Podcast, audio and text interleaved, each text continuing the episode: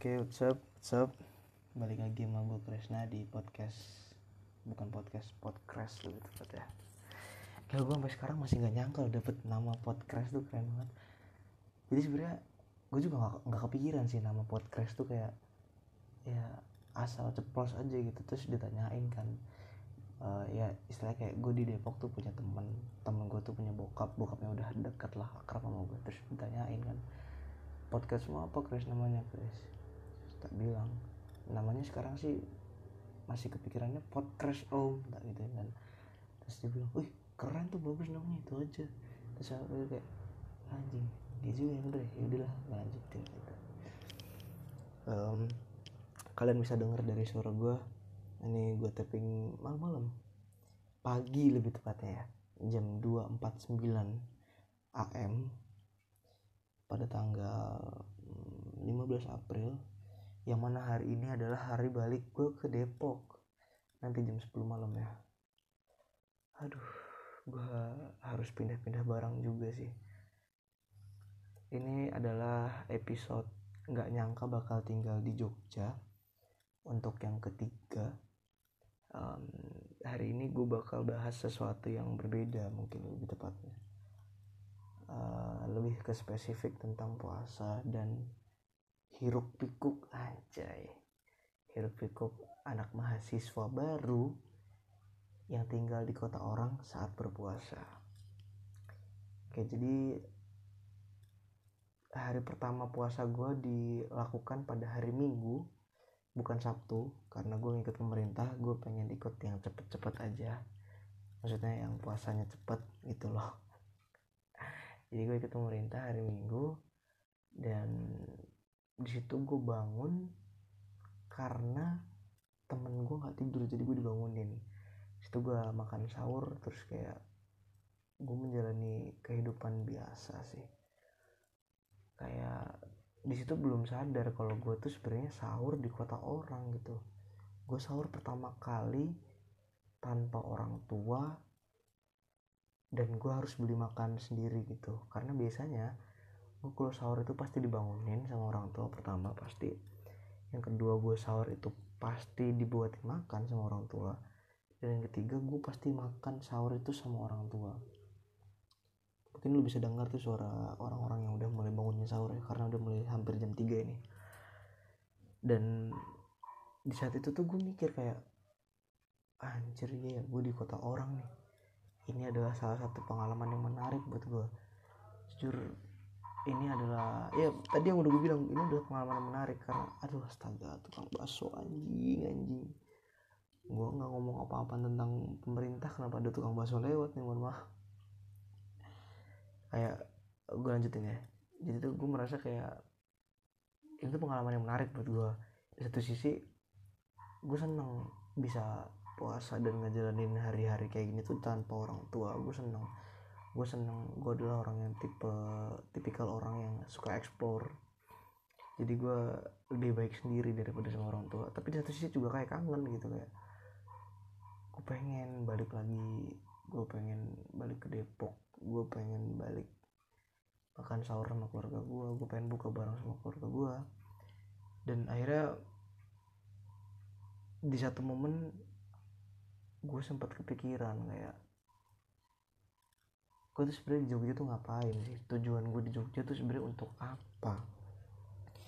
Berkali-kali bokap gue udah bilang ke gue kan katanya karena tuh di Jogja tuh ngapain sebenarnya kalau nggak kuliah offline? Mending pulang ke Depok. Kuliah online dari sini. Ya memang mungkin gue terlalu mementingkan ego gue ya. Jadi gue mikir kayak ya orang gue pengen main di sini gue pengen menjelajah lebih lanjut lagi lah tentang dunia kehidupan selain kuliah gitu kan ya walaupun gue nggak ngomong secara langsung ke orang tua gue karena gue tahu pasti bakal dimarahin impactnya. So ya gue bilang aja enggak karena tuh di sini tuh nungguin kuliah offline. Karena apa? Karena dosennya tuh belum ngasih tahu jadwal pastinya. Akhirnya gue bilang kayak gitu ya mereda lah istilahnya. Perdebatan itu mereda. Sampai suatu saat gue kepikiran lagi. Gue tuh Jogja ngapain sebenarnya ini tuh adalah pertanyaan random yang hadir di otak gue jauh sebelum gue puasa. Mungkin sekitar 3-4 bulan sebelum puasa waktu Januari atau Februari. Enggak sih nggak sampai 3-4 bulan berarti 2 bulanan lah. Entah Februari atau Januari gue lupa. Gue jalan nggak jalan sih lebih naik motor dari arah uh, Bentok Lubengan ke arah Pamungkas. Di situ tuh gue mikir kayak gue di Jogja tuh ngapain sih? Ini gue tuh ngapain di kota orang gitu. Kayak gue di Jogja tuh kenapa gue tiba-tiba di Jogja tuh kenapa? Apa anjir? Apa trigger gue tiba-tiba pindah ke Jogja tuh kenapa gitu? Apakah cuma karena gue kuliah di Jogja? Nggak juga kan. Dari situ tuh gue belum nemu jawabannya gue belum nemu sampai sekarang. Terus eh, yang kedua adalah ketika gue puasa sih gue puasa mungkin beberapa hari yang lalu. Gue sempat balik ke rumah tante gue untuk naruh beberapa barang. Dan di situ tuh gue decide untuk milih jalan ini. Jadi kalau dari rumah tante gue itu Jombor. Jombor ke arah kosan gue di Gejayan itu ngelewatin dua terowongan bawah tanah. Yang pertama itu terowongan yang dari arah Jombor ke arah ring road itu. Terus yang kedua tuh yang ngelewatin bawahnya jalan Jakal. Eh jalan bawahnya Jakal. Nah gue mutusin untuk lewat Jakal lewat Jakal ke arah selatan. Dari situ tuh gue mikir kayak kok gue bisa decide gue pengen lewat jalan ini ya? Kenapa gue bisa tahu gue pengen lewat jalan ini? Kenapa gue pengen lewat jalan ini kenapa gue bisa hafal jalan ini gitu loh. Dan pertanyaan-pertanyaan random yang mungkin terkesan sepele itu tuh hadir di otak gue karena pertanyaan sebelumnya belum terjawab sama gue tujuan utama gue ke Jogja tuh untuk apa? Dari situ tuh gue masih kepikiran. Sampai sekarang. Bahkan puasa pertama gue nggak pernah gue nggak gue nggak kepikiran sama sekali sih. Di puasa ketiga atau keempat gue mulai kepikiran kayak anjing men. Gue kangen sama suasana pulang. Gue kangen sama suasana Depok. Gue sempet curhat sama nyokap gue kayak enggak gue telepon sama nyokap gue sahur-sahur kan. Pas baru selesai imsak azan subuh gue selesai sholat subuh kan sekitar jam limaan gue telepon sama nyokap gue enggak kan gue manggil nyokap gue bunda ya tapi gue manggil enggak enggak uh, karena kangen sama suasana rumah biasanya kalau di rumah kan dibikinin makan. Terus biasanya juga walaupun ada yang nonton atau nggak ada yang nonton kan TV tetap nyala. Di sini kosong banget enggak di sini karena kalau mau makan harus beli.